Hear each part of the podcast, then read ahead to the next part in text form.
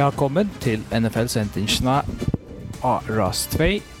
Vi skal hitta fram, eller atter etter, i måter uh, week 4. Vi sitter i uh, et alternativt studie inne i Stående kjermers. Det er til Axel Berg, sitter her ved Peter Hansen. Som alltid så sitter vi vel. I halta. Allika. Det rykker reisende. Det viser så. Ja.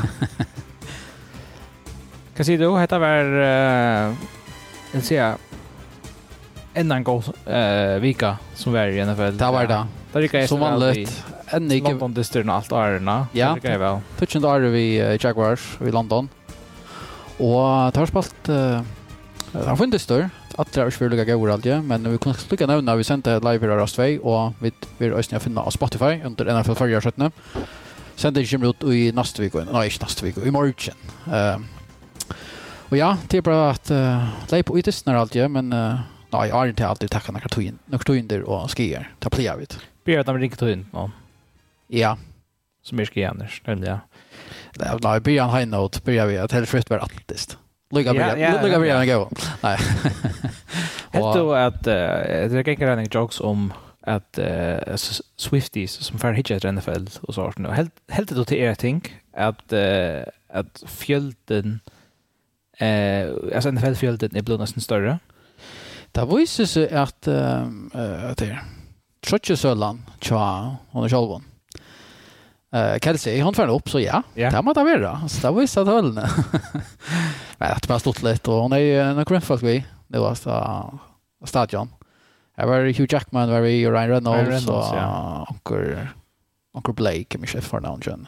Konfolk, just. Hon är ju akkurat men... Och mamma var efter. Uh, Donna? Ja, hon var, hon var till Fisseldist i Philadelphia. Och så kort jag till New York och åkte efter uh, Chiefs. Alltså hon sa på sin i Chaucer ja. till uh, Night Distance så satt hon att sen samman vid uh, Taylor Swift. Jag sa nämligen att hon var... Så hon levde det bästa lövet, Donna Kelsey. Ja, jeg sa hun var til till Destiny Eagles. Jeg visste ikke att hun var till Chiefs. Men, men jag alltid at uh, Chiefs har mistet sin sin fokus av uh, Atlantis nere Swift. Swift-praten nå. det var ikke så väl då med Jets. Men det var alt uh, kjent så ges. Tog inte fisk fiskan ska lugga. Vi kunde se at uh, her er det et ondall i stöva vid, i Chicago, vi uh, Chase Claypool. Han var ikke vidt listen uh, nå nu i jar Og han er begynt at hålla seg vekk fra Team Facilities i Vikne. Uh, det lukter av at han kan bli trade hour, og det må man godt nok si at det er tatt på å være største trade post i søvn i NFL. Jeg skal ikke ha det største, men han ble trade hour som du vet sørste fra Steelers for et høyt annet runde vel. Så det var på tale Packers som skulle få han.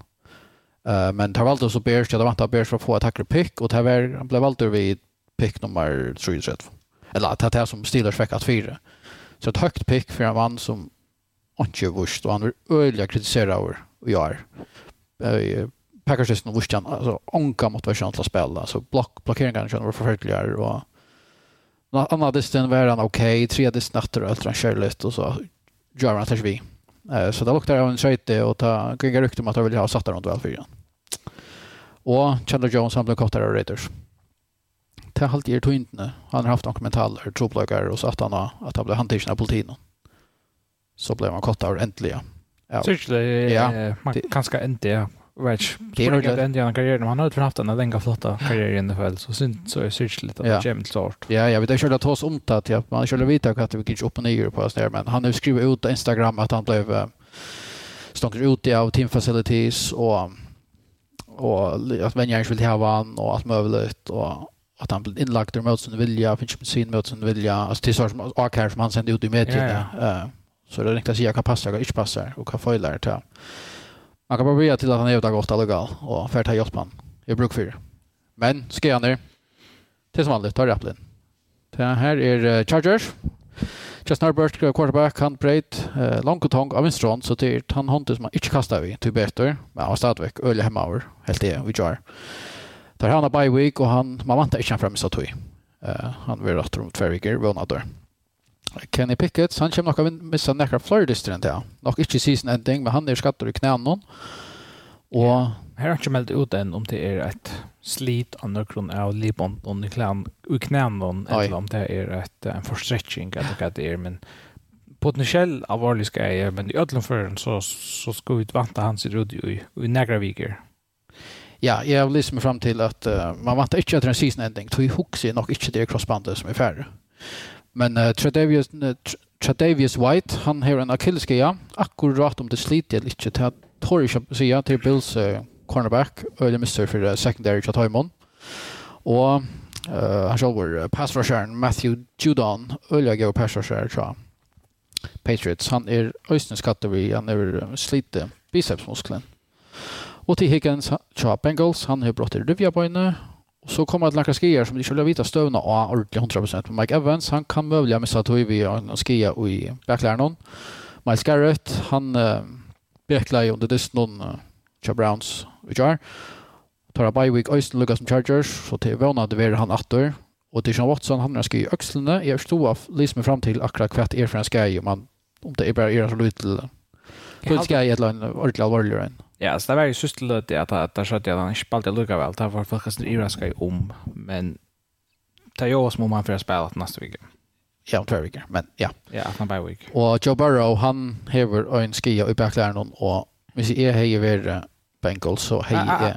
Vi har tagit oss om systemsendingen. Jo, jo, men... Nej, så allt. Jag tar bara säga. Du säger bara när du teasar. Ja, men ja. Vad ska jag heta Josh? Jag lät jag sitta på bunch nu. Det är bara att jag skulle säga att han vid han nämnde så kände vi sett i sentensen. Är hej alltså till att så tydligt att han ger onkan versens månadslina på henne. Akkurat samma här så får han fruskan och vita att man kan få till det. Ja. Ända så inte. Men att av sig. Han tar skjønner og tøyntene. Det är inte så øljende jag får passa i hver i hela Det er samme. Hvordan man säger på det. Allt det är ja, en sporter fullt av skärm. Det, det är det. Det är ja. fysiskt fysiskt spel. Och heter er bara sånt jag så dette det største støttene vet att jeg fram. Man kan ja. finna nek, nek florierer som jeg finner också skier i løpet Vi skift någon och flere skier kommer noen akkurat i ja. kvöld och i morgon och i morgon. Vi får lägga ut några av någon. Ehm tar vi det hukt framåt det, så vikna sista søste Då var det kanskje ikke akkurat hardest når vi vant det for det ble spennende som, uh, som vi får forteker her på en. Men uh, vi har hadde nægget olje og over dyster, er dyster ble ganske sinter mindre spennende enn vi vant det, men vi får at byrja i Indianapolis, her i Colts spalte mot Rams, dysteren for i Ivetøy, og Rams vunnet så 2023. Fyrir hållager blir totalt om av Rams, kommer bara se aksjon mer. Altså, tar letja sig 8-20-0, og faktisk mitt i tre kvarter så er støvan ikke minne enn 3-20-0 til Colts. Men tar gjør at Ordans comeback tar uh, først kommer et touchdown, two point conversion, og så i endan av fjorda kvarter får der oppeslega tvei touchdown og et two point conversion, og sender distin i overtime.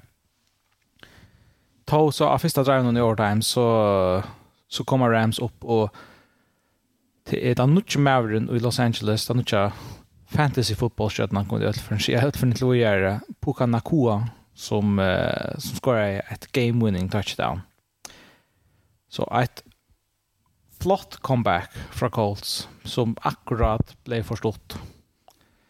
Man kan se att uh, ta som där Anthony Richardson han visste ju ödlen förrän att uh, han hever några öliga flotter eller öliga særlig egenleikere i NFL. Ja, det hever han så helt, helt avgjørst. Jeg nærmere skriver en fakt om han, jeg slett også av igjen, ja, nå glemte jeg sin vekk at det er ikke mye som skal ta som hentet distan først. At han sette rekord her, ja, han er nødt til 30 reception i tjøkken for dyster. Og til rekord, rekorden er den hei en kvann bolden vid 30, Og minst han, man har ikke øyne tog langt tidsrekorden her for mest reception i fem Ja Det var Richie Bush som är i 4-3 1850. Nu är han någon nytt 3 1804 så hans lärare har luggat mycket kvätt nästa vecka. Spännande Gustav så för hänt vi att ta ett Cooper Cup chimratter. Så väntar man väl relativt kött så det nu på kan gå liksom han han, han sätter in i de här rollerna som Cooper Cup hejar Linnon framåt. Ja. Så det är ja, det är det var spännande att veta om uh, Torfer klarar kus eller Gussinek Tor klarar för Jessica Aldante Rams. Jag är helt sure att så när jag dem. Arden vi är. Så det sätter rekord nästan vi att det var rookies och och the initial roster som man ser tar vad är det 95 25 tror jag 5 står jag inne först. Och då katar ny 8 nej till tror jag tror jag. Så det är väldigt flott att det är 2 och 2 och vi koppar kappen i Alino, och så kunde bara bli bättre. Ja, alltså Matt Stafford är uh, han är en Matt Stafford kunde vi för en sia och till så for good or for bad alltså för så vitt alltså han här här i ölen är gott och i mitten så kommer Luka när när swipsar. Ehm till till alltså så vidare säger han så han har ju snå onka enkla fel är just någon men ehm i fjör så var man Kimmer för han har en ski axlarna och det sa så gott ut John i fjör att han han annars är i toppa sin karriär vi även Super Bowl. Men jag hade lugga väl att han är via komma åter i form. Ja. Och en annan med Eisne som uh, är i absolut om form igen och så allt om man säger om att som jag spekulerar på för hans karriär att späck lite alla ut nu han lever i NFL men det här tur då då som Aaron Donald det är han absolut inte lever vi alltså att man levererar av högsta högsta nivå i NFL. Ja, det är rykten jag inte inte gör, men annars är det väl nu sörsta ganska har avgörande det att man också säger för än att uh, sända papperen in till NFL om uh, pension eller inte, men det är rykten är ordentliga slackna är inte ett rädd om. Han är, han kör Ja, och vi tar oss nummer ett då. Jared Mining och jag har hört andra så är med som täcker NFL. Jared Mining att här var his here spelen, Det liksom Lee Rams på inte nu. Torska som om att du har kanske trutchar superstjärnor. Alltså Aaron Donald, Cooper Cup, Matt Stafford och resten är unga spelare. Jag syns inte no names. Du säger rookies, eh uh, Spurningen er nemlig at Jever hender her mening, altså at Lasse Heimann skulle omhugsa affær i rebuild mode, og altså gjør det omvendt av det som tar annars gjør det da for noen år siden, og er man nå faktisk for å trøyde sin kjøttspillere vekk for, for, for noen picks, men tar er igjen ut i, og helt ut det her er et mål for at uh, kom play of start 2-2. Det tar er 2-2, og det er faktisk best enn jeg vant da, det må jeg være helt ærlig å si. Um, Vi börjar ju runt lägga finna schedule fram här att helten kommer. Eh Alltså det som jag för när vi har tagit i Montreal. Jag tycker inte att ha någon chans att ta divisionstiteln utan så ett annat drastiskt händer i San Francisco. Jag tycker vi att Tyre cruisa, alltså för Niners cruisa av er till att ta till där. Men att han har att löpa här så tror wildcard spotten. Till det hade ringt på nu och säga för kommer lite här med. Ja, jag tror till nämligen att man också ganska okej för för att Hvorfor han vinner det skjønner? Det er kanskje bør jeg tegne seg litt på det, men uh, der her var lykkene også svære distretter. Det her var det tross alt. Uh, Cardinals har vist, vist jeg vil være bedre enn man vant det. Seahawks har snøy gøver. Det har Commanders, og der har Giants, det har Fortniners, der har fire etter. Det har vist verst, men absolutt ikke umulig vi kommer kappa linjen. Det var det som ikke står om. Det har lykkes stått om uh, Indianapolis Colts, det är så att Anthony Richardson så skulle lika ta som han nummer 4 overall pick i i draften i år rookie.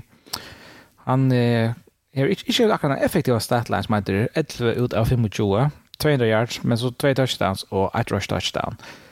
Så man kan säga eller svingande men Nick har tänkt någon vad sägs när han häver några flotter, alltså orla går enläkare. Och särskilt det, det syster distan, han visar han fram med sig fysiskt enläkare som han är. Alltså han är en ordentligt bäst är en quarterback. Så man inte se hans spalt så ska du också ha Cam Newton. Ja. Det är något som samarbeten som man kan ha om man kanske mekaniskt är några ting som alltså mot kaströrslarna och fodarbete här man kan arbeta vi Jag hade kommit ut och fick hon gav fixa att några time ting då så spist med. På trots av hans ball levererar öl hönstöv hövon stöj i perioden i sin NFL-karriär, men Anthony Richardson är ett, ett spännande prospect av quarterback-position och inte lojare så man ska vara ansett att döma för harslösa rookspelaren så det är också mer så glimten när man säger jag har alltid det mer att är inte efter det är inte efter rookies spela hellre än om det är då är stabiler och ja man ska ju inte efter kvar omstöver här vad då ja alltså till dem Press Young också säljer om ta att han hever inte att inte framför sig som man kan uh, välja på näkra mat och hjälpa honom när kan sälja lite alltså ta här är då DJ Stroud och Richardson näck bättre fyra på mattan och spela lösen bättre Richardson borde ganska lika passa sig inte på bästa pass självan han är lycka för en ett nivå upp i i Harley hoyt kan man säga alltså lika in är bliven till eller till showdare i college och det och starkare på alla mattar Lugga värja sig inte bättre, men han har absolut potential till att uh, bli nacka störst. Det är så säkert, men nu har jag blivit för att röna få nu få Agnar på tröjen. Agnar, yes. tror Hej. Hej, va? Ja. Yes. Vad är det, Jakob? Vi lovade att sist vi går, men ta komma något annat. Nu är han där. Ah, ja, nu, nu är det så det lika bättre vi att påstå att man kommer. Det är gott att ha det i alla fall. Tack så mycket, tack så mycket. Det är gott att höra vi. Till det vet jag faktiskt om Dolphins ser det då. Vi är inspirerat oss om Dolphins. Nej, vi huxar det. Till tog ju säga att Janne att vi är klara på att ta som Colts Coltsfist. Jag vet att planer om att ta som om Dolphins och Bills. Jag tog han. Som var det. Hade klarat hade klarat hade klarat Ja, skulle jag betyda. Alltså där i Buffalo vid uh, fram undan. Något av mest spännande nästa vecka. Det var det Middle Bills och Dolphins. Dolphins som är hin nummer ett av min power ranking sista veckan. Eh, men um, Stövan enda så 8-4-20 till Bills som vinner. Man kan säga något skrejt. Alltså 50-50 possessions i Disney. Där skiftas linjen om man ska ha touchdown. Bom, bom, bom, kvinn vi. Och därför är det uppe 21-14 till Bills Bills. Men att han till så vi ska som att att alla på Miami lyckas som stäcker lösen upp och Bills tar kvar vi är. Alltså först så har vi Stefan Diggs ett längt touchdown här han uh, som släpper jukten två Miami spelare som runt tackla Miami har så ett fumble isne Hollakstövan är entret förstan. Dolphins skorar touchdown i sitt första drive i tredje quarter men uh, tar så får bulten åter så kastar du åter en, en interception och man kan säga Bills tar tar lucka distan här så tre quarter det så ska touchdown att han så där hade alltså där var vi med Dolphins men så hade där lucka väl några drives som inte ordentligt inte så där väl och två turnovers som kommer på några och helt i tidspunkt och där så att Bills tar bara trumla vi är Kan du om distan, Agnar?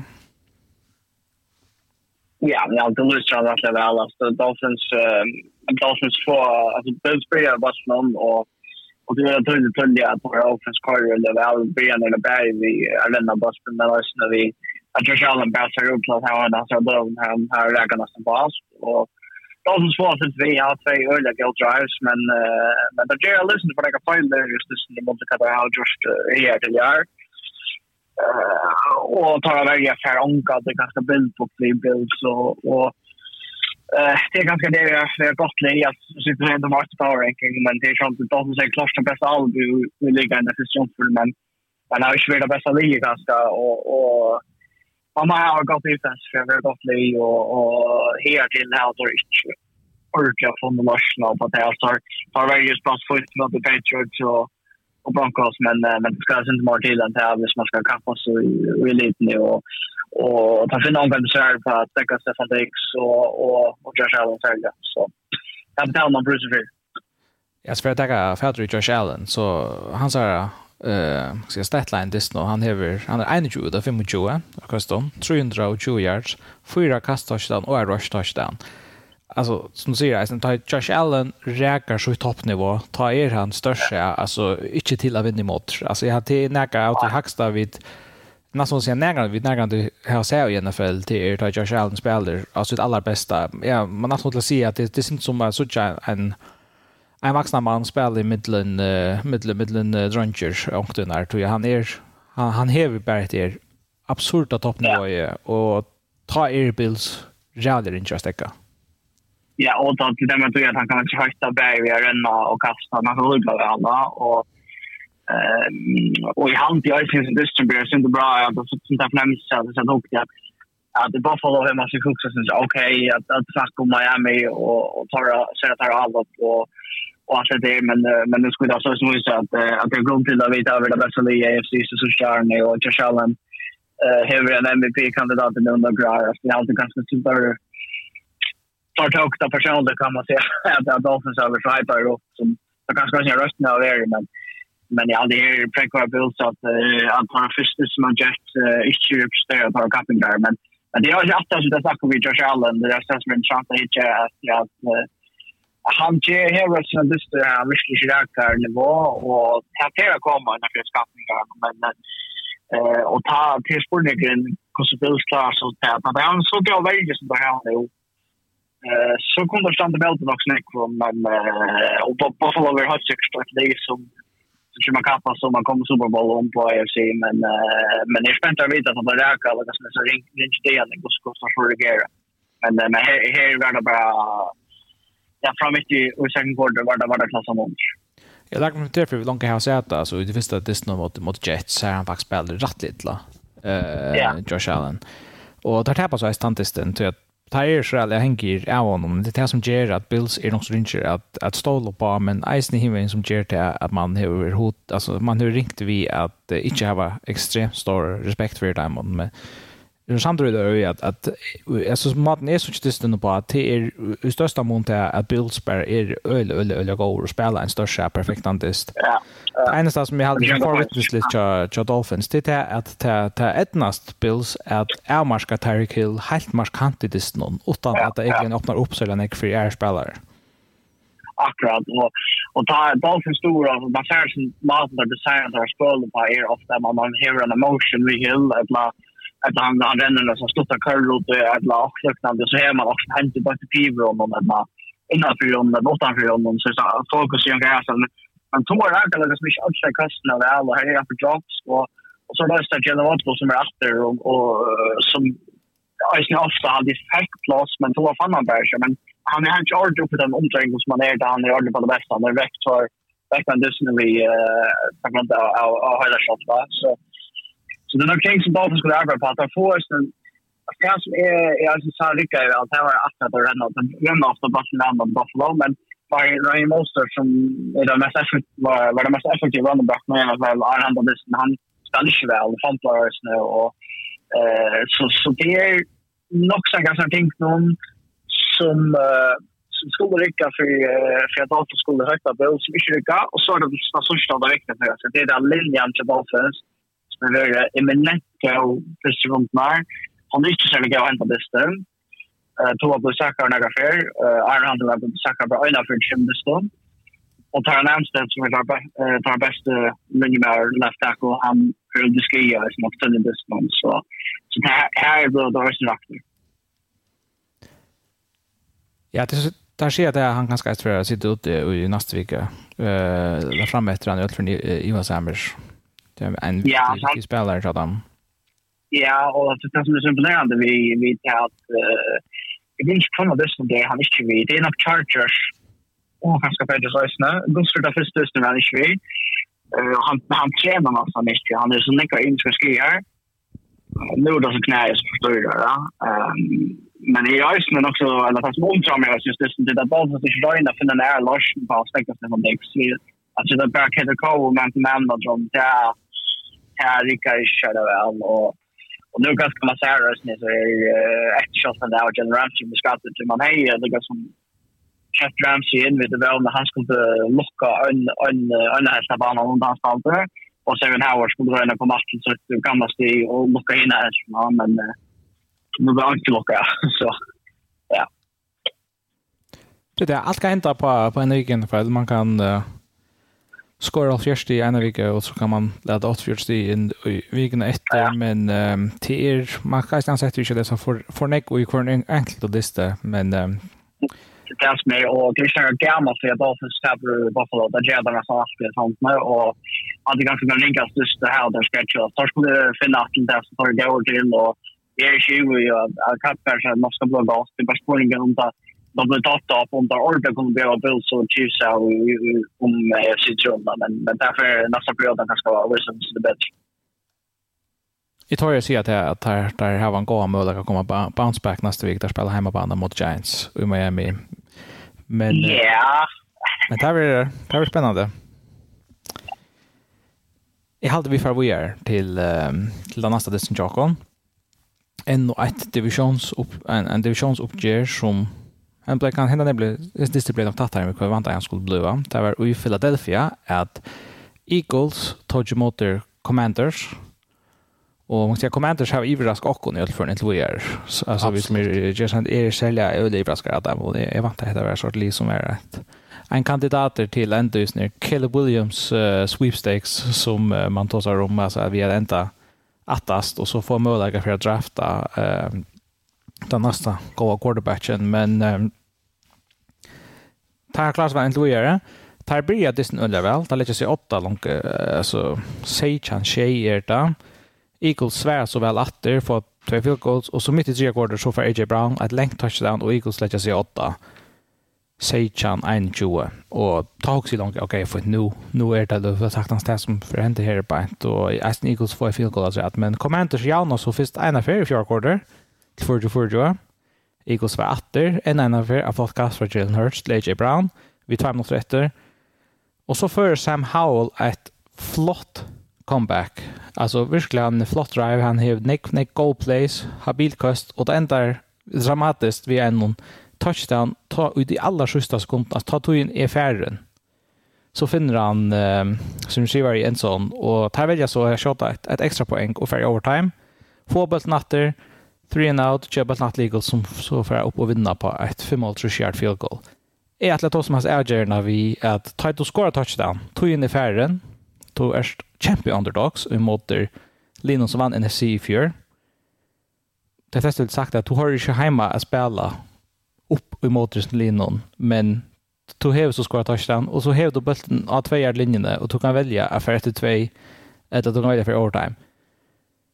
Hvor tek man så kjent opp en conversion for å vinne distan her på en helt under i overtime av utbanen mot Eagles? Ja, det er skilt ikke ordentlig at tog at det så var kjent om til Eagles ta med enda noen høttu, altså ta korti, ok, ja, da, men det var more big plays, altså ta commanders, altså kicks av Lutz i vergene, ta ta der finko, bare alle køyre helt imot enda, tog hei i ferie etter tvøy her, og bare tisda, altså tisda et W hvis jeg fikk da, og åt på på ett ett Elvis där racklet där.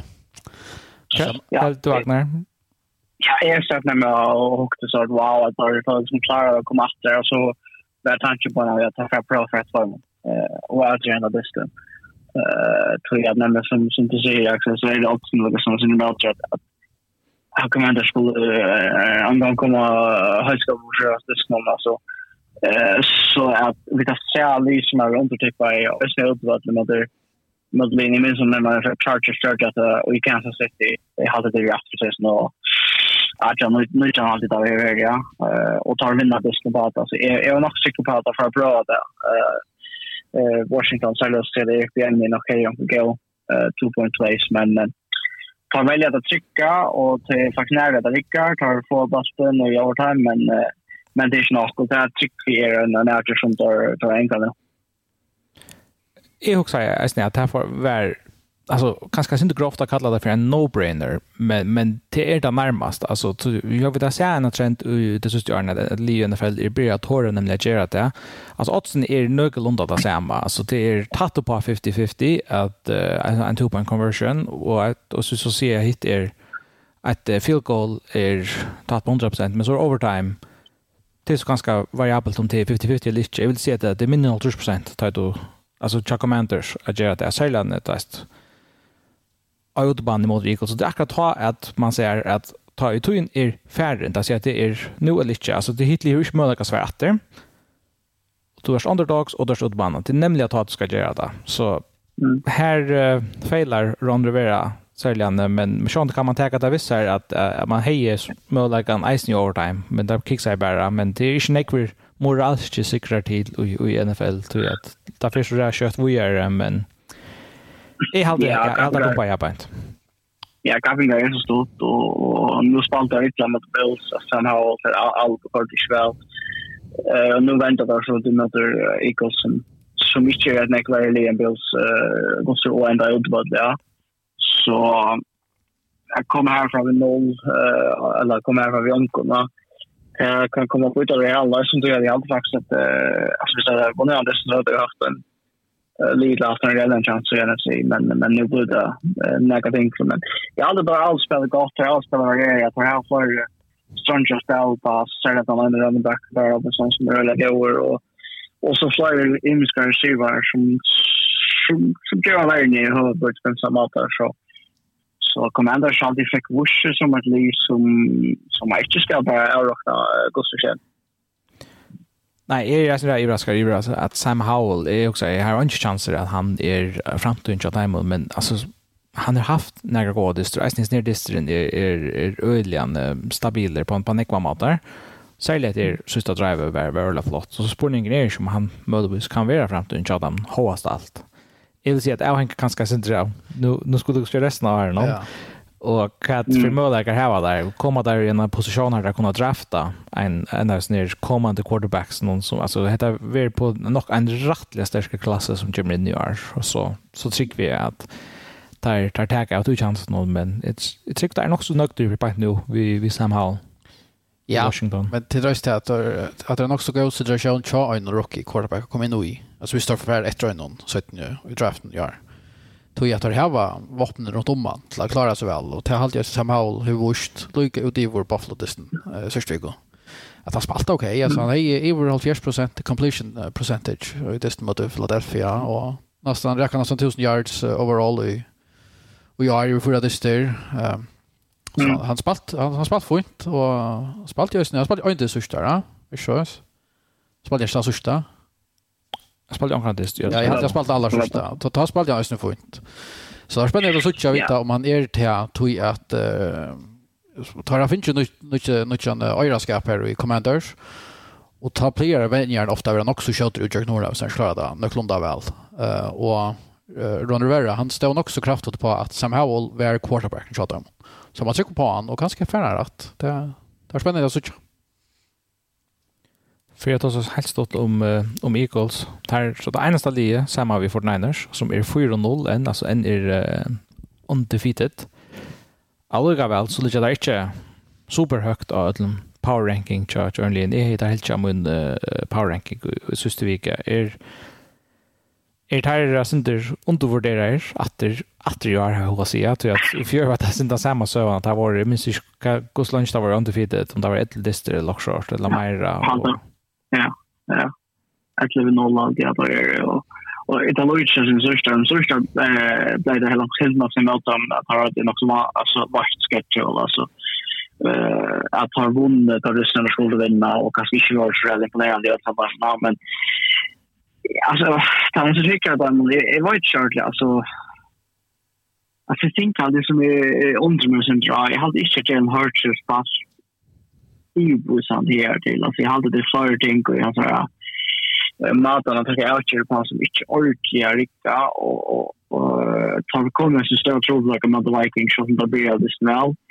Och kommer det så att att den är det snäll. Alltså jag hade inte att ha spela jävla ibusan det och, och varje ganska sälja varje det ganska hopplats att brottna under mycket punkter men Men han vinner bussen, og der kan man også, det er alltid bedre enn at han vinner bussen. Så det er samme Vikings Fjørs, der vi har vinner, så det er bussen, det er vunnet bare. Så, så når Eagles er, ja, det er absolutt en kontenter gjennom Syrokene vi, men, men vi skal velge med den fyrir nulli, så velger San Francisco for Niners Korea for fram om Eagles. Men, ja. Selv om jeg alltid hadde Edgy Brown, da mistet han, og det er oppe i Rangers, som han er større enn Tarsa Bussen, så så är det alla som är, som är torskade säkert. Jag vill säga att det är enkelt att börja tappa näglister som har vi dött för trycka på att det är att här är en, en av de stora kontentarna i NFC. Det ser sånt ut, så är samtidigt att det ser ut att för Niners tar är ett nivå för sig på inte nu, men jag vill säga att han för tar så, så har vi Cowboys och Eagles. Uh, så cirka någorlunda så som så i som uh, det, det är stärska linje annars i NFC och där största högt annat för Niners på inte nu. Mm. Hatta var... Ja, så kom... Tande, är vi färdiga? Eller du har ett ett litet rätt? Ja, vi kommer nog läsa alltså nej alltså jag hade ju alltså man ska inte det läge så helt alltså det tar spela eller så likt men men vi kommer nog till där om man åter men tar spela så vägar det sjön det där. Ja ja, men han vinner ju så. Ja, tar och ha, och tar och vinner kanske sitter gör alltså det. Ja, ja, Godt, nå får vi til uh, du tisa i lukka distan mittlen Chiefs og Jets. Det sa han ikke ut, eller i början ut från utlatt skulle være et uh, Chiefs blowout. Det er uh, tromla Jets nyer, og i fyrsta kvartal er var langt 16-0, og hvis man sett upp i hukte, da gjør det så ikke, men hvis man gjør det så så huxar man nog kan man kunde för dulje sång till jag hetta hända server med långa skriva att att chips för att um, a core the speckle time men um, i second quarter så så vände där nästan inte på på en sent måste ska mata Jets där få ett safety som är sånt inte kontroversiellt alltså att det är en face mask som man ofta linje jag faktiskt shit här på tamma en face mask in i en sån där Jets en safety as på offensive tackle som gjort där som jag menar han nog var utanför en sån där han han gjort down men uh, free wave då där ser jag att få två sti få bulten för upp, score field goal på ett, ett drive här det är ett längt, helt ett kast. Men alla gav så viskar det som att nu är momentet och knappt läsen till Jets. Stövan är 16-5 och den nästa Mahomes ger där kasta en rattliga bytan interception. Och Jets har som stått han banan skår touchdown och så stövan knappt läsen Sejan 12. Och jag hade Chiefs kom upp och skår field goal 2012, vi håller inte någon. Första drive i tre quarter, så er det ett av bästa drive jag ser. Lägga det bästa quarterbacks eh planen jag ser från Zach Wilson. Han har ett suveränt kast och så ett uh, flott scramble till en two-point conversion och gärna Distern. Och Distern brought jag vui öppen 2020. Men här och fra så man kan säga passande Jets där har chansen. Alltså tar här var först ett längt alltså ett längt run på vi precis har han faktiskt är vant han forskar ta där men han är så tacklar som alltså väl som uh, ja det sista mannen egentligen alltså öl och allt det där bara rätt att trumla jökna mot land söker man kontakten helt helt alltså ja och han hej blockar vi alltså så här det går kon ska ta där men det faktiskt vi får inte styr bort du driver någon Chiefs får bollen och skulle uh, för upp och skora goal. Så nästa drive, fumble snap från Zach Wilson. Och där får faktiskt inte bulten efter. Du Chiefs, alltså jag har tjej minuter av klockan där mäkna att trilla kors sekund nyer. Där har vi ett third och 22. Här är penalty till Jets. Och ens det third och 20 här är penalty. Nog så kontroversiellt. Att akkurat att du play någon. Ta kasta med Holmes faktiskt en interception. Men så Gardner vill kalla för en holding som är helt värd rättliga buljer. Man kan också kalla honom, han var nog så billig. Jag hörde nämligen uh, spekulera på honom. Han blev kallad tog att han blev interception. Det säger han själv. Ja, så blev det blev incomplete så så är det bara very incomplete att ta det. Ja, så jag hade det sort vid sådja redan nega i NFL och det så third 20 är det inte synd billigt att kalla en holding penalty alltså ta. Och igen är det ändå det det här hade jag frivilligt och jag så så där och att det och det inte så ens en interception så knappt jag hade jets alltså så stått han bana och hade väl kunna för uppskora till så men det tar inte vi är den klockan nio det är nog så eh ahåvärst det alltså att Mahomes ränner för en en första att alla sjöst han är rakt att tro jag linjen där och han slider stänger för en skott touchdown. Precis det samma som vi såg i Super Bowl att det gjort mot Eagles. Där har tar väl coacher åt för Chiefs till att vara att i tingen men Det var standistren.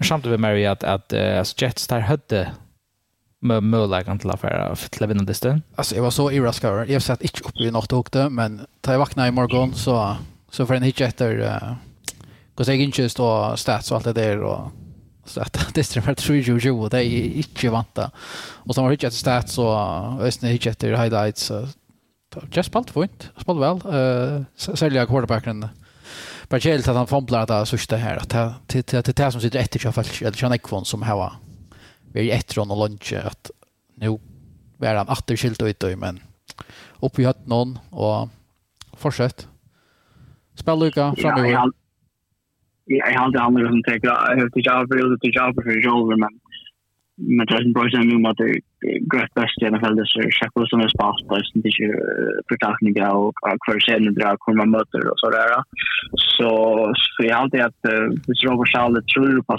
Wilson så kan man se fikk han en fin kunder at kjære til gjøre det men men jeg alltid at ja så det er kanskje en ek som som vill göra vi att att cheese för allt för domaren. Och det är alltid att det är störst. Det är som klass och väldigt långt tror jag.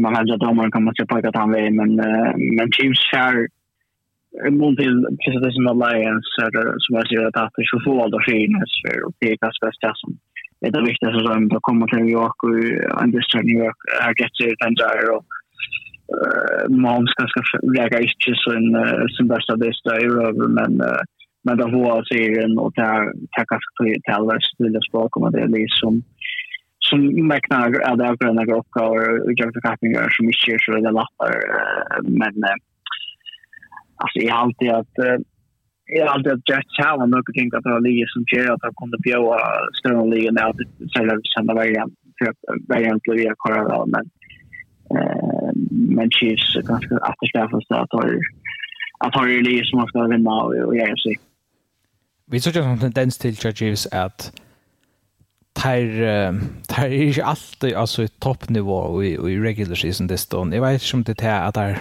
der har ringt där står inte hvor det er motstander eller der ringt ringt vilka som er kommet opp her på en tohinlig nu så sånn det er nå spør vi mot Chiefs nå ska vi gjøre våre aller beste Mm. Og hikker man etter hvordan det er det, det som står against the spread, det skal bli, handikapper til bookmakeren eh, til å være så är det faktiskt jävla vanligt. Så är det bästa man kan göra det är att tippa emot the Chiefs, alltså vid handikapp. Det är en god måte att tjäna pengar på vid tipping, hvis man är eller försöker, men um, så det är inte bekymrat för det. Jag har alltid Chiefs är att lite uppdömer på, alltså Gustav skjuts ut alltså en gång tills Gustav skjuts ut playoffs. Det är att det handlar om att Diamond och att komma här till och att att uh, Gustav skita simpelt simpelt namn men för lycka tagga Jets um, tar så valt att att ha Zach Wilson en som quarterback. Där draftade han nu second overall i uh, Tyson Einjo. Och det har vi milt sagt se rävligt ut till honom. Men alltså hette Heber Ulsi Otan i var den bästa sinanspalt i sin karriär. Två touchdown, on interception, till en störst i NFL för. Han behöver några få affärer klara att inte kasta interception än dess och samstånds kasta ett touchdown. Annars har han nu touchdowns, 22 interceptions i karriärerna. Mm Så det sier jeg ikke reisen om man. Det er at jeg har altså Alltså hade Aaron Rodgers som sin quarterback og at jeg har backup plan ved at jeg har Zach Wilson og Lennon enn det er det er nok så oskiljande og at Amazing man har Tim Boyle eh som backup quarterback er på inte till ångsvägna syns av alltså till man har ju inte alla finns ända ända när räddningsvästen till i tar man man kanske vara helt överraskad över att han en fjärde eller nu tror jag gamla quarterback som inte är inte alltså han han missar tog ja vi skatter sånt kan man känna han missar allt är på hända maten, men tar här var inte så så han skilt på att jag tycker att kappingar att ta champion vänta på några mat vi vi Zach Wilson men ta till sagt så var det det bästa vi tar sett från i NFL men god video inte är i nästa vecka att det att stått fram till universitet också heter gång exempel den 20. Ta av gitt vi nog kör. Ta blir där men tar jag sagt att så jag framsteg eller så framsteg Arne så som spelar börjar så ganska bra början av vissa nu. Ja, men han spelar 60 distri i NFL alltså, som sagt. Alltså, han är inte, han är inte en, en nudge spelare igen. Alltså, han ska knappt lära vänta allt det. Det är då inte så tjocka. Ja till men det har ju rapporter ut om att uh, sälja värjan det blir nästan inte uppröster mot Sala till att han blev i alla fast i Zach Wilson men jag det det stund ju gör första också väl så tar stå samman om man. Eh Nu ska jag shower det var när jag det en annan alla då. Men ska vi få göra nästa alla hinna det snör. Jag tror vi har hör. Ja, allt hör va? Yes. Yes. Gott. Ja, vi så så som sagt, vi får bara att göra. Vi tvär börjar vi Thursday Night Football. där var Lions som vann 4-3-20 av Lambeau Field mot Packers. Det är det mest flowsliga från Tutis nu. Det är så jag snäggar blåar i över och Alltså Lambeau Field. Alltså nästan helt en allt. Det var helt öjliga nek, men... Uh, men vad det sett det faktiskt isen i Kansas City. Jag tar tar spalt han disten. Det var rädda nek vid Lions fjäppar som var Ja. Uh, kommer till uh, till Kansas City i Jazz. Jag har alltid till att Oscarn är det öliga öliga spänt på nu i Detroit på. Var öliga Lions. Jag var snarare like vad det är blåser. Och det är inte grannali alltså det det alltså i amerikansk kon. Ja ja. Eh geometri la geografi tar det är det också tatt. Tar tar då Bears det är så så Arrow Fusion Line Shop Hackers. Men och till oss det första visst nu Packers är väl ute officiellt och sagt bidrar BE-fans som ikke, at, altså season ticket holders, ikke selger av open markets. Selger, yeah. altså, mer privat, altså, fyrir at omgänget er til. Mm. Uh, så det är ett problem. Men, uh, det är andra ting som bara, bara, bara akkurat, ja. du, du, tar som det. Det är faktiskt en av ting som jag alltid är så rast. Alltså från Ryssland, det är amerikansk och uträtt, det är så europeisk fotboll. Det ta nøye stå her var sort utebana seksjon. Yeah. Altså du vet, da, altså, og, og det er vekker i middelen, og det er uh, vakter, altså du sa at linjen av vakten som er i her. Øksel, øksel, ja. Alltså och och jag kan ska utrott är helt slett inte uh, vanligt. Alltså man kan väl färra till en dist och sitta mitt i mitten alltså alla hemma på ner och gärna man kan färra till, till Lambeau Field sitta i en Detroit Lions tröje fullt mitten fullt av av Green Bay eh uh, fjärparen og ønsken då et ballade eller nekka kjem bort ut då. Ja. Till till att att German i Europa, att att att det tår man ikke gjør Ja, ja, enda så Lambo Leap så øyelig kjent, og enda til slipper spillere og avskårer gjør det. Det är nog det er rett og slett. Må jeg si som packers. Ja, men man, man man ser så det att eller man ser så så man har blurra så där eller jag kan säga att fast kan finns i det rummet men det är så här snär i Europa så vi vi hoppas det där för den här knut det att det är som först vet och i all det som stort så att att så men jag var ju mer samt med Peter jag om det där mest slås jag det är helt att att välja en chans Chuck Packers mot Stecker Ronny där med där där rulla vad man vill. Men jag vill lugna vi att jag bröt Axel Jan ju säga att men trots allt så var allt Packer Lee förfärligt men han han säger lugg att rätt. Ja. Och då blev vi att prata om Oscarna. Ja ja, så har jag inte Jordan Love spelat så ja. Men jag har ju pikat skott näck till Lions så här var ju det är också allmänt känt att sånt att det är en öde största offensiva linje och tar dominera sig för bara det och Och jag har alltid det en ting som det är en go ting som vi hänt för just Lions. Jag inte det att att att Rams välja att att att kasta neglected matches där för Terika väl för Rams det är en Super Bowl. Och Terika väl för för Lions så Jared för en Jared Goffin som är är sänker som vill täcka vad han kan och som spelar öliga solitt Uh, Dan Campbell är en av de bästa tänkta som har hänt för Detroit Lions hur är den kvar för head coach och, och så nu har de finns ju en around the back uh, han där från uh, från Chicago Bears som rycker öjda väl till den maten på så det running game bast.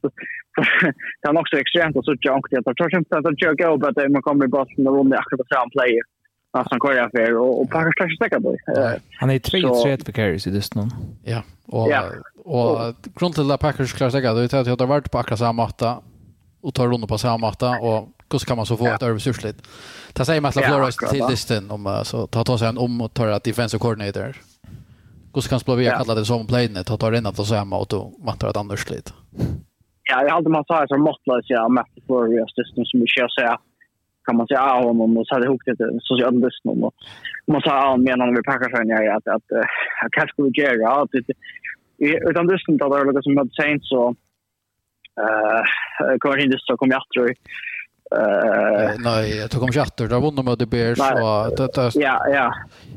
Alltså, men, men det är ja, akkurat, men jag husker att han tar en svär, alltså, tar han en svär just det som kan möta och Och tar man inte hävd till att, lika som vi snackar om Dolphins ja i allmänhet, att stäcka färre Stefan Dix, så, alltså, ta bred och blös inte bekymrande. Round det är alltid att, att du själv är, är, är till Lions att täcka, absolut. Det är alltid att tabben staffast öliga äh, grötner, men så det var spårningen. Ta Vikings kanske alla kommer gå och vinna listor. Jag så blev det kanske en här kamp med the Vikings Lions men men ja hade Lions för Staffas öle väl där att torger torger störskar faktiskt på nu till och shit. Ja, det har just varit där. Vi tar som där en sentence att i Hey Packers defense och fantasy men så mer arbete om mot det vantar jag att Lions var vinna men i vantar bara luggat att offense Chap Packers kort är synte bättre än det gjort. Ja. Till till det här som är störst mån mot mot att jag vantar Arden. Men jag tror vi ska vara vidare till uh, London Distin, till Jaguars. Vi har inte yeah. sådana gott och efter. Det är större hålltumme. Jaguars tar vunnit 3-20 mot Falcons. Tutsen till fjärde spela i uh, London av Wembley. Och nu är det 5-5 uh, av, av Wembley Stadion alltså. De spelar nästa vecka mot Bills.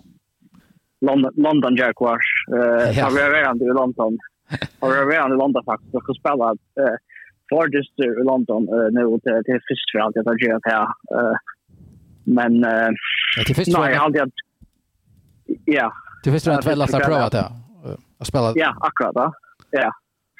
Men eh på vis att att det kommer igång och och tar lägga att det tar det kanske vara average för alla som att är det eh jag faktiskt har gått kommer igång så och man kan samma undra så det syns att det projektet har gått så ja så vidare som rätt där och om det för det alla bästa så det här var ju skulle jag så här för man kanske mest spännande om det bara nu i NFL och Richard Robinson och Kyle Pitts kom in som Mr. Tight End och skulle göra om och och Drake London och så där men men tar push och lade gång till och i allt det ja och eh det är inte alltid bekymrande för för Falcons Falcons Falcons Ja, Ritter han är inte en gående i i London. Det är alltid absolut inte. Jaguars vann uppe på det.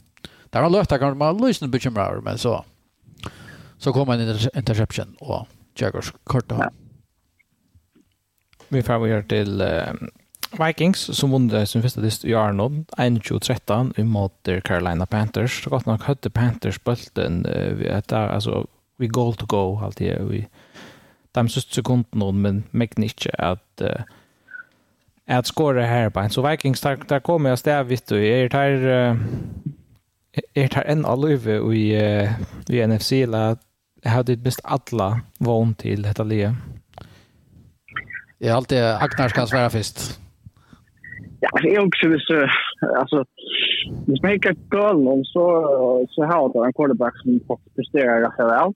Och Kirk Cousins kan det. Och där har jag bättre receiver i NFL. Och bara tape attention attention är ju öle. Och nu blir Alexander Mattsson kan skada komma till rätt som running og så finnes Cam Akers og Trout, og TJ Hawkinson er av top tight end nå, og Alltså då frem mot Jay Alliance release, når Vagisner for release som kan skåre øren XD hver vike.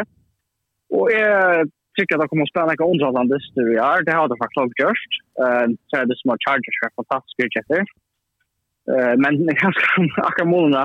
Han det så var det en målna i år för att jag har det kanske nästan hemskt att han konstruerar till. Men vi får det som säger som det är viktigt. Jag tycker att jag tycker Vikings ska gå kunna äh, melda sig nu i playoff pitcher efter om om några veckor men men det kanske då får sätta några cykel samman och nu man säger Kirk Cousins så är det ju en quarterback för som det vurst som är Netflix så jag helt han alltså man kan inte lasta man och försöka ta attention seriöst och och att Vikings liksom tar Ryan och skruva attention samman på att lasta maten men men det är så bekymrad för det värre och och ta han bygga katka och tappa så så är det en jag får mer chans till statistiska i NFL så när man inte kör playoffs så man skulle göra några gott. Det är inte en penna seger, men eh, man har rätt en seger. Så jag hoppas att eh, Vikings kommer att göra det. Jag har så omtalade med Jets. Ja, jag helt nämligen att det var väldigt underligt att de strutt och sådana möter Panthers. Alltså, man säger att alla du och Hugg säger, gosse ber det till, det är så tattor.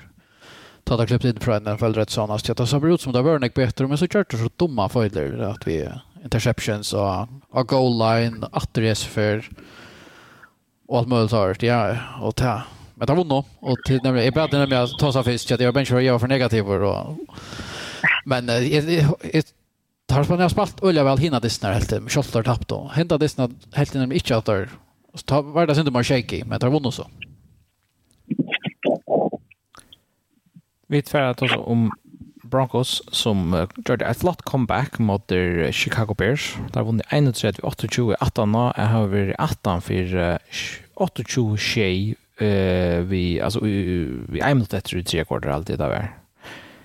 Så ja, han kommer øyla, øyla vel atter, uh, Russell Wilson. Um, og så verger han Jerry Eisen, Jerry Eisen vi har touchdown, nemlig han inntil der, minst rett, altså et uh, fumble på um, Justin Fields som var sinte klassot. Men det är sagt så var det nog den bästa styrn Justin Fields spalt i karriären jag säger. Ett för en två år. 335 yards, fyra touchdowns och en interception. Och rann han i vraska nog bara fyra för den där. Mm. Så det var ju lugga väl att jag för en häst det någon så, så var han för för att uh, leverera som, som man kastar uh, höttan och det är han annars slett inte klarat Justin Fields i NFL. Mm. Nej, och några kasten John är jävligt imponerande. Alltså, han brukar kanske något för en fiskbojn för att driva värjarna sin. Och så ger han rättliga, några rulliga flott kast igen. Han är igång där ända. Och, eh, han är rulliga tydligt att Bersha sig arbetet nu. Kan tänka oss en rycka och kan man säga vikning. Det är ju öjden med negativitet runt där och det värskilde. Men dratt där att han centra Arias just nu så, så klarar det klarar Justin Fields inte få den att se. Det är ganska rätt inte söver om han att han är han har leverat flott lägesressor så vi har någon men har smäckt med att jag vunnit mega dyster och och Broncos har flott upprörs som tar i att när eh lente insats med Miami och och att det börjar så illa med The Bears eh att de klarar vända det. De missar ju som också ju okej de missar Jonathan Williams ut i skia och så så det som Peyton och Russell Wilson från på nummer 4 och tar kanske är färdig i NFL men Russell Wilson har sin resort Vintage Russell lite som comeback och han är ju några receiver som eh, som levererar och och kanske kan inte kickstart också men men jag tycker bara att Broncos har kommit för gång det nästa kampen är till att det kan bli ordentligt spännande eh, än men men ja eh kanske a neck more a av stoppet under on the stage efter and jag tycker det flesta function up det men det är som var nummer 3 Det var sist för att Justin Fields kastar för över 300 yards och i karriären så han spalt en tredje i, NFL. Ja, så. ja han spelade väl alltid att du nämner det hur snägga yards han har men ojna för världen på ett touchpunkt var han 28 av 20 och då ta ojna incompletion var uh, Hail Mary. Och han ända så vi är vara uh, 28 av 35. Så det sista är också kickar att världen. Ja, det har du ju ända då. Tack ska du visa. Kastar interception, ja. Ja. Ehm, ja, alltså Russell Wilson spelar eisen en, en god andes då som sier comeback är veldig gott men är också på Harry for Nick Fli i, i AFC som är är god att är är jeg har anka trick på Broncos. Nej, men vi står bara få den och klunta fungera och blå gåvor så kunde jag att attacka det nästa år till att vänja nå quarterbacken tar vi det Gus. Ja, ta har betalt för några pengar nu i år. Har du varit i NFC? Så syns det inte så jag. Det här är i alla i NFC så jag kan också, okej, okay, eh, ganska för en chans att komma, att, att jag börjar slåss. Så. Men, eh, men jag tycker att det blir allt för också. Akkurat. Ett annat i, i AFC som um, att för inte är la tvåli vi ser som är vi i AFC till Ravens och Browns. ehm där har nu att på porten spännande det men ta händer ju det att John Watson inte spalte och Ravens tar trumladaren i vinner 8-23 det är ganska överraskande ja. att Deshaun Watson inte vi. Nej, jag faktiskt väldigt ärligt nämligen att, att han har nått det är faktiskt ganska mer det där att, att backa quarterbacken som som är kär när han anser känna han han färger, alltså inte han är fyra veckor sviken. det där många att Deshaun Watson ska spela men det är runt uppe i din kämma allt det där och också inte kunna gå samt och Jag är väldigt vill Chelsea annars två liv som var två år där det är här kommer en Det var en här herrkamp om om att tro när första plats i i AFC North som Bengals där har varit lagt fram där. Eh vi är vi är så länder som det är. Ehm men men alltså Ravens var en helt näst jag täcka Browns all of någon tar ju Nick Chopper ju ek och och tar i kärn quarterback som är NFL nivå än så så tog Blue då bara nämnde sig men Lamar Jackson spelar väl väl därför man inte från det hade jag stått på så att han ska räkna och styr nu som så mindre om det som är att ju en fisk som skjuter snurrar faktiskt så går den ner. Där den och kastar bollen och och Remus det är som man ankallar ska döma ut det och att liksom jag tycker vi står fortsätta vi att flytta sig och spela som sig flower som man kan inte så det kommer igång så det blir härligare möta och i playoff som är nog säkert att det kommer. Ja, där är överraskar mig sist vecka och det det är ju så som kan hända man man missar en dista golv in i mitten i NFL, fall ganska mycket annat sätter vi kött döma för härst ut från och jag tycker att där är det jag vill säga nu att jag vantar för att vinna divisionen Um, Steelers tar tappte 6-3 imot Texans. Um, han eneste jeg vil si om dysten det er at jeg halte CJ Stroud spiller rævlig godt. Og han har ikke hvor jeg har visst at han er den beste i som klasse han er kort, men også Anthony Richardson i andre. CJ, Stroud, CJ Stroud har virkelig leveret noe, noe flott ingen til hvor i er fall. NFL. Spännande. Ja, jag kan skriva på att att, att han syns under under hype out långt nu. Det har faktiskt han är sponsor rätt. Alltså alltså mot kan ju som alltså vi det väl vi är ju som Texas det som hände vi det som också om att det bara och det andra Hopkins så att kolla som över västra och förra att att just som har bara very elendigly eh att det att har rätt men alltså har haft så så ringa den här uppe mot Mekar Hinnon som spelar som Irish vill ha men men nu är det knappt att liv som som bara spelar så lite och och och vinner över Jaguars. Och nu vinner där eh tryckta Steelers. Vägen spelar spelade alltid Nick Ryan som finns kött också igång där. Och, och, och Stroud är rörlig i bussen. Han finns en receiver rörlig väl. Uh, Nick Collins spelar rörlig väl andra bussen. Så, så jag stort stått för att det är liksom uh, en, en, en franchise som som är väldigt faktiskt skjut av er i ruin om några år nu. Nu rappar vi även alltså igång då.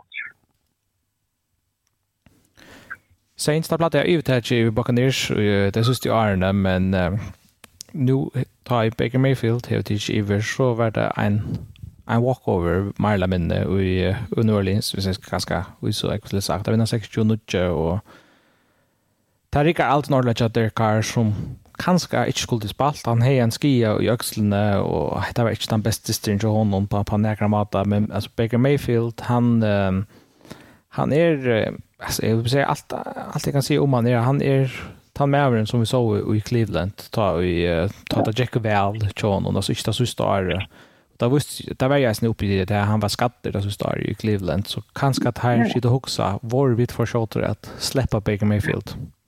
Ja. Akkurat han är så competitive som han är och, och han spelar faktiskt åtta av Mike Evans uh, som är bra för rent på Afrika och jag har inte sett något som morgon till og tar vinna nett og har sent av på någon och är samt vet jag kanske at det kan ju skulle spalt listen där där var mat at James Winston for å spille og for å skulle runde vinna som gamla spelare så og det är ganska en en champ matchup og jeg vant det är bedre for sig som som så jag syns det tandlös ut i allstan men i hand jag tänkte är den enklaste det sjön så det var nästa sjön och i i NFL det har alltid inte man förnärmar eh till hämta en ettla i FC South eh till mitt där på med Taringas det gör man eh och jag där allt nu ehm och det här man kanske ska alltså det på kan det stå för sig att Frisha Jet deep player för on unlock nu men men här kan aldrig gå staff som som det bästa i och eh och i NFC South. Tipper och sånt i cykeltar är han också nog skräpar det där på att det låter i alla fall. Ja.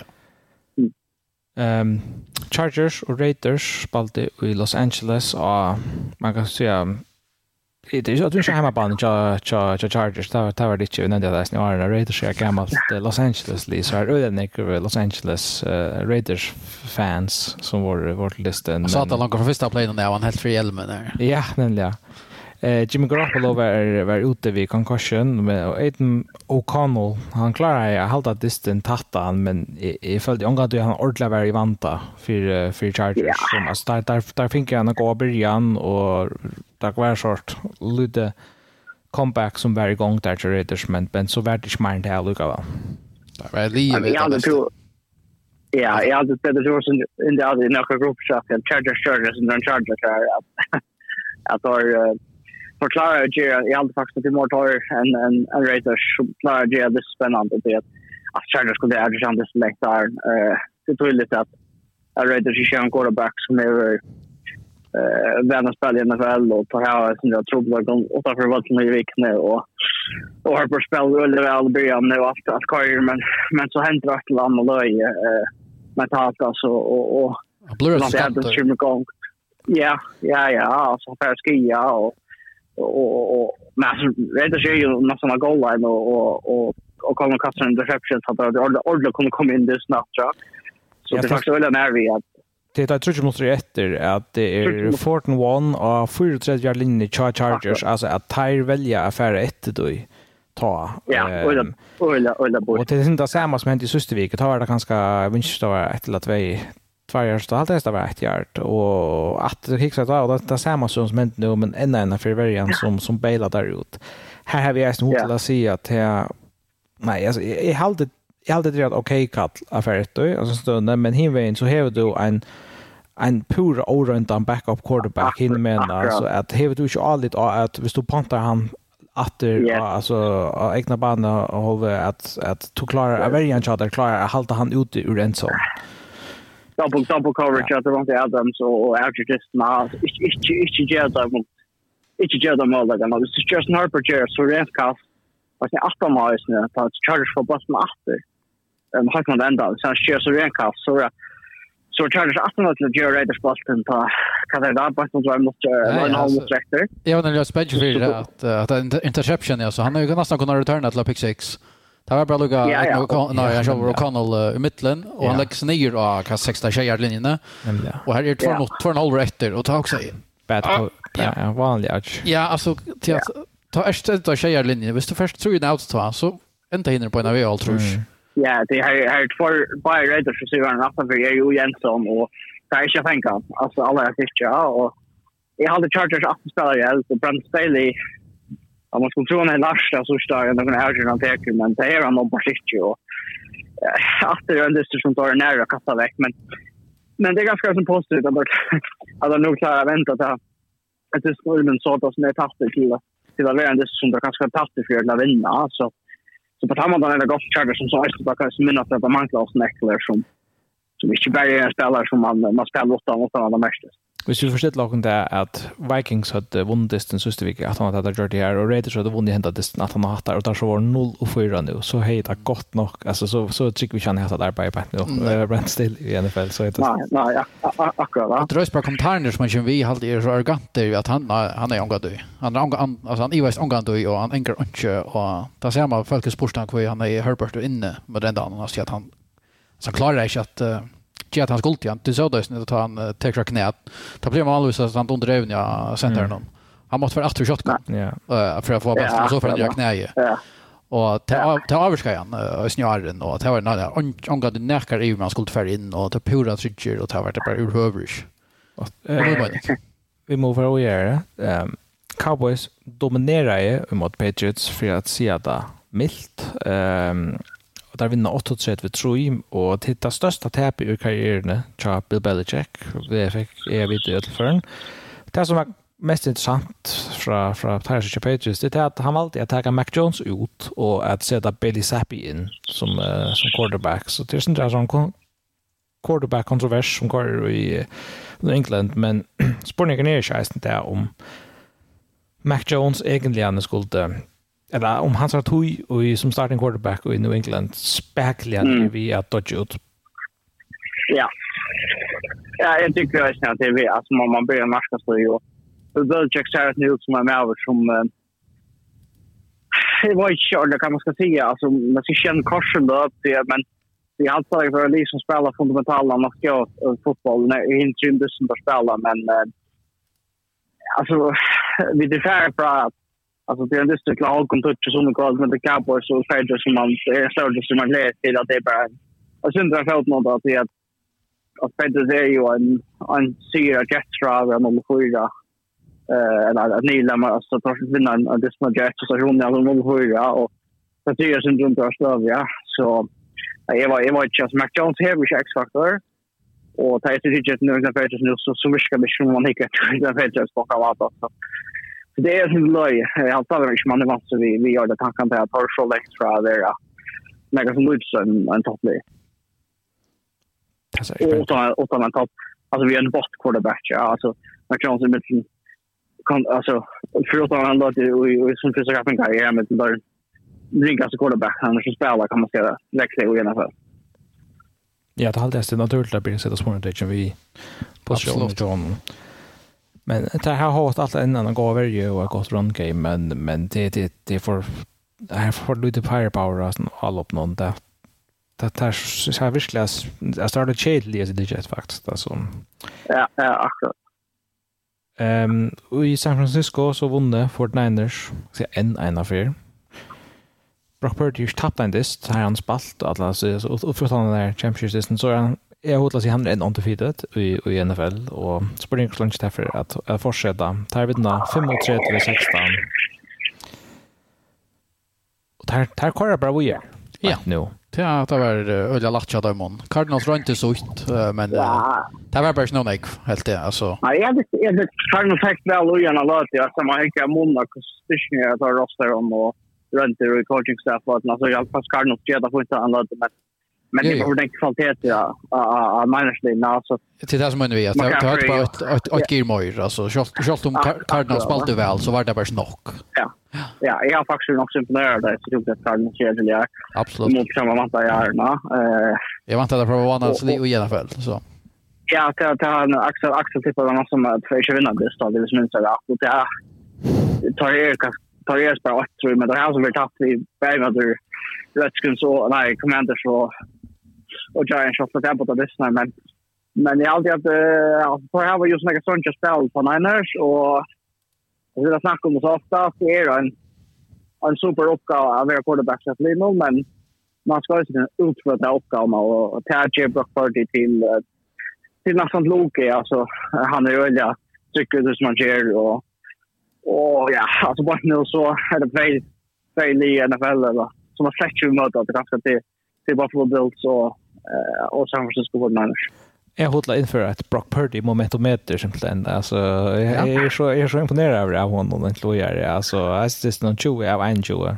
Alltså och ja, mega effektivt. 23 och force yards en touchdown. Han han spelar bara väl alltså han god. Han är alltså, man måste bara ge honom till till ärna som man man kan få. I allt än att som folk manglar att John credit för hur hur gott han egentligen görs så innan det till Så där man.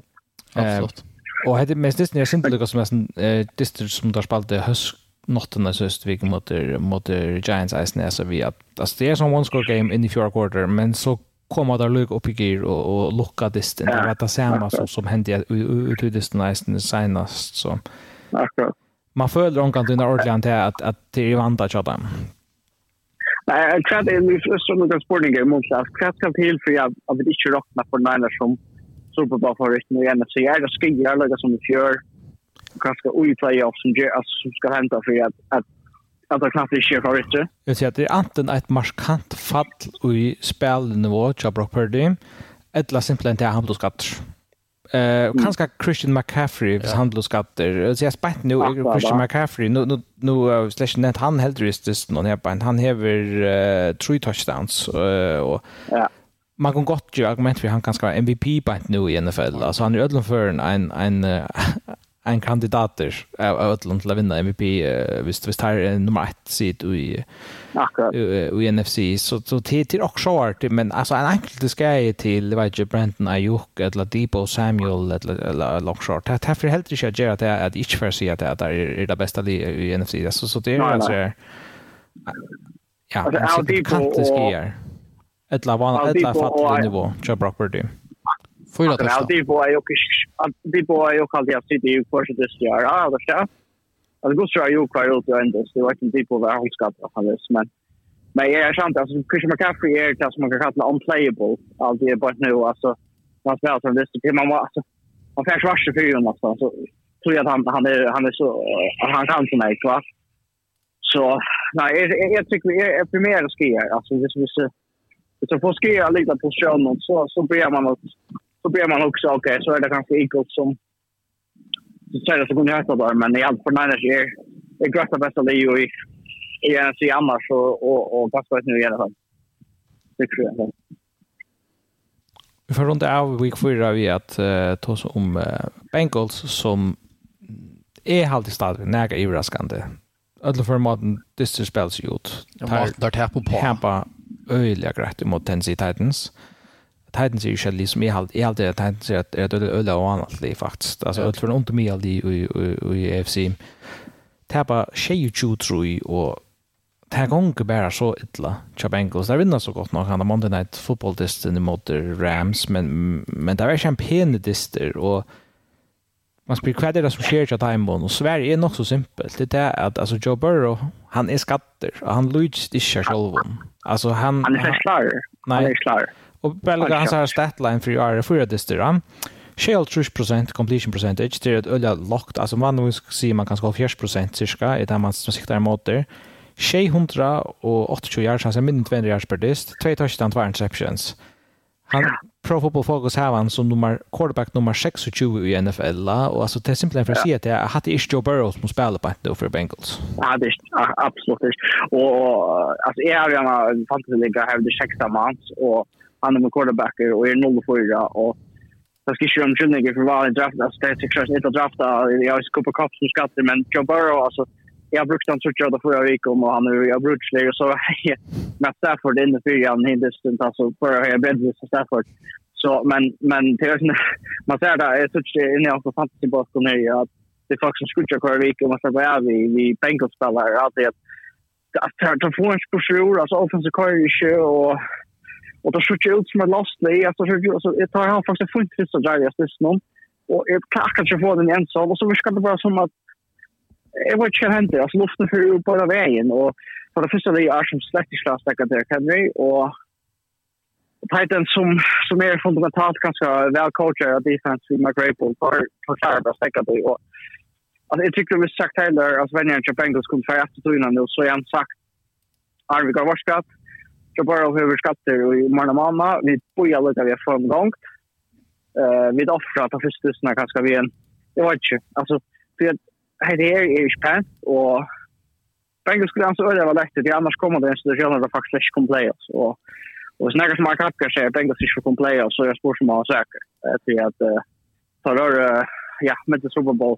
Favoritan chat om alla. Vi tattar ju som Super Bowl pick. Ja, så där nästa har Disney tjata en mån till där ska spela och Arizona mot Cardinals. Så spelar där hemma på mot Seahawks och så hade en bye week. Du säger Peter, tar skulle tar skulle bencha Joe Burrow. tar skulle Quillan. Ja, det är alltid. Alltså, så är som han spalte och vi tog ju vantan någon som tar vi för att spela. Så alltid jag att det är så släck hur jag ska få in. Alltså, helt pröva vita om du klarar vinna mot Joshua Dobbs. Det var härst. Vi är någon backup. Det var härst vi Joe Burrow, men du kan riskera att du missar han fyra år. Alltså, han tränar ju. Han tränar, han tränar ju släck, ja. Ja, jag vill köra säkert. Ja, det kunde ju nästan inte och man sa öliga väl helt att han var skatter. Vi har sist någon. Men men det är ju en scary trick för dem och och, och sån här skia blåa att det spelar vis matches skillnad, ja. Så jag vet inte. Alltså det är samt tror jag så nu då sen det tror jag nu nu är det nog sant att kan man säga börja att det halva vant men men det kan nu då skulle det. Ja. Man säger att matan han spelar på alltså han han kastar slett djupt. Alltså han har slett det usar. Alltså vet ni uh, Legend Johnson som är uh, han har faktiskt inte, brukt det på den här. Alltså just nästan har han tre kost i 20 yards i distan. Alltså te och han kom till en av dem. Ett för år som maker i 20 yards så är han ett out touch. Alltså bara touch kost på fyra distans som för längt och det andra så där att han rullar går till. Ehm um, är haltet att skulle sagt Joe Burrow spelar inte för en 18 bye week. Så därför att han säger att jag, du sitter ute nu tror veckor, kvill det, och så satsar vi på att vi klarar att vinna en av hans nästa två om vi Trevor Simeon, som alltid back och quarterback till Adamon. Och halda kappingar är Löve, så kommer det åter så vi 2 i 4, och så börjar vi.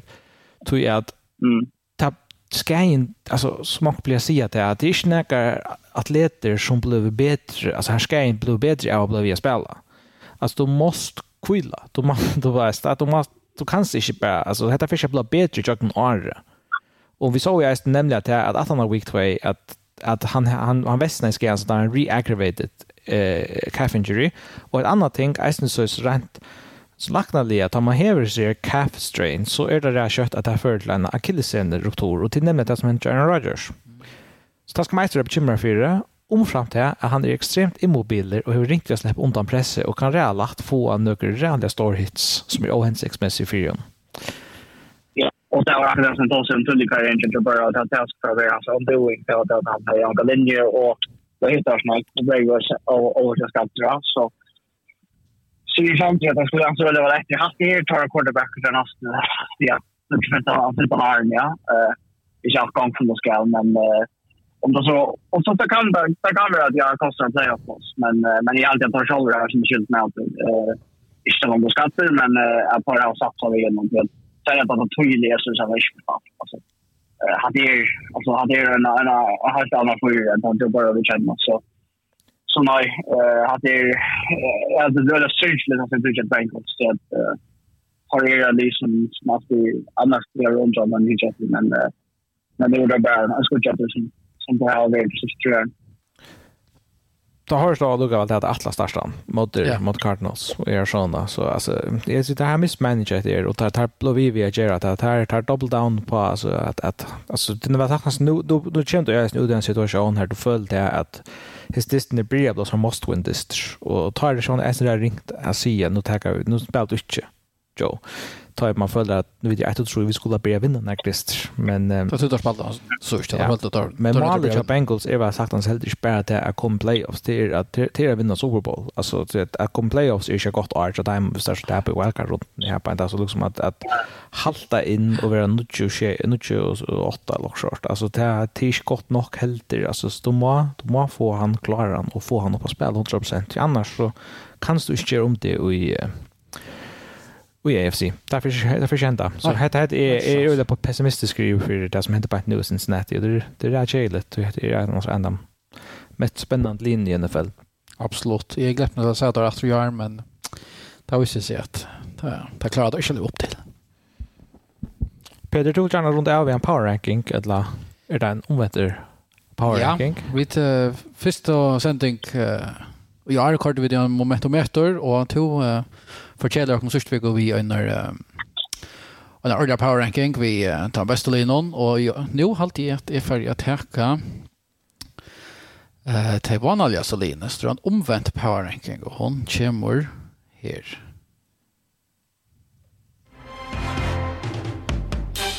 Og av, num eller, av som nummer 5 her har vi uh, Jets, tar Eero 8 og 3 og vunnet som første adist, tar Eero Super Bowl Contenders. Men uh, inte sånne glankor vi Zach Wilson. Shot om her är några bright spots. Nummer 4, vi tar akkurat hos om der, Tar rösten i 8 og 3. Joe Burrow quarterback og til uh, Bengals. Uh, jeg heter som Super Bowl uh, förut där. Där klarar där inte det upplever. Dessvärre. Och att trea plåse. En 8 och 3 dit. Tar vunnit vikskift någon. Tar här var en dörren quarterback. Det er... Um, det är uh, Russell Wilson. Uh, tar spela allt annat än väl. Uh, får inte att vinna i år. Nei, vikne. Og så har vi det 2-0-4 li. Tar komma så av 8-5-8 plassen. Panthers tar er og av ørenplassen og 8-ast halvtid er at jeg må køyre Bears. Tar her var ikke vurs i år. Åttan lykka Justin Fields heier og en gåandist. Men det her vet det her øynast.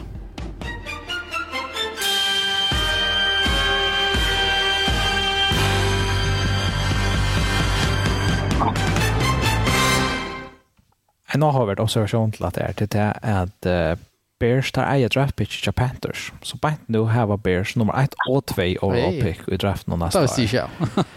Og tar quarterbacken som kommer inn, så bare blir det også ordentlig, ordentlig, tulla lucka heter alltså Caleb Williams är astannaste Trevor Lawrence i i i NFL alltså han är en superstjärna och att det är det så är några grejer som är nog spännande Drake May, Shador Sanders, Sondren Judge, Dion Sanders som är en coachar ja. Colorado och alltså som är coach Jason Jasser. Han är rätt spalt öliga väl. Men hur Caleb Williams sagt att han får inte till ett sort Lee som Ja, Chicago viskar vi är förbannade er. Alltså, ja, ja. Alltså. Mitch Trubisky och just, vi tar inte vi att äh, hava ett Men det är också draft pick så, så färdar. Så ja, och då, och då inte hava någon domarna också. Ja. Så Så jag har alltid han nu sagt det, att han är 24. Alltså så är det bara college efter att rätt, att han kan ha gått. Jag har Chicago Bears har inte haft en topp quarterback så med John Shelton och Mark Jordan. Det var inte faktiskt, det hade faktiskt nästan som disrespect. Det här var omgående en ordentlig quarterback. Det här var bärs. Jay Cutler at the at the practice up. They're dominant by how an order go quarterback. Vi måste ha det gosse han är jag snabbt eller eller vad tar i Chicago men har ju det tycker jag är omgående när det går på quarterback. Så kul man hade han hade han. Han quarterback och chef någon kanske den gör det här är med alla bästa jag har. Men Jag har rekar at vi, vi Bears och Panthers. Jag jeg har ju heia ett litt mer kort in här på. det er Patriots. Jag har faktiskt att det Kunde gå att det är stort långt köra Bengals in biten ut. Hvis du hikker etter dans fyrre vik, først, først fyrre vik, så er det rett. Så, ja, det så her var det her middelen til fem måneders linje. Ja, ja, det er, det er altså, blanding, at det er altså blanding av en power, altså Gustav er standings og Gustav har spalt. Nemlig, ja. Det er at det jeg gav noen Vikings inn, men det kan kjøre det just for Nej, Vikings just spalt for vel. Ja, ja, det det det som mener vi, altså, der her var spalt jag jag Jeg er bara bare Vikings-fans som er ute, som er Packers-fan. Det har spalt nekk for vel. Men uh, jeg halte bare vi får rundt av. Uh, det blir en avhåverd sending. Glem tusen også, Anders. Det var ikke så i Axel, om man... Jo, jeg er jeg er jeg er för spekelt att göra. Jag klart lite att det snön då tar tar tar vi det lite ner bara ehm Man føler sindra at det er, man spelar för Captain Guard alltså, jag vet inte, det är så dramatiskt det heller inte, men det är mer Montreal Giants jag ska spela i Miami nästa vecka, att uh, hvis du tabber det, så är det reella kött då är det och fyra, men bäge Barkley och Andrew Thomas är atter ute i det för Giants. Det är några lort för sig att akkurat som det är, men mm. jag trycker på det. Jag sitter Giants för undergåld. Kan jag säga det? Jo, tatt du ju väl också det var inte att Giants vinner en, en teppenstyr här. Down Jones double av det gamla. Jag tror det är viktigt att det inkluderar för att halda, halda gång du momentum till dem. Och vi tog så ser vi ett Takk for hese sendingene. Ja, vi var att nästa vecka. Färg inom Spotify, lort etter dere. Enda fall. Vi tar rast.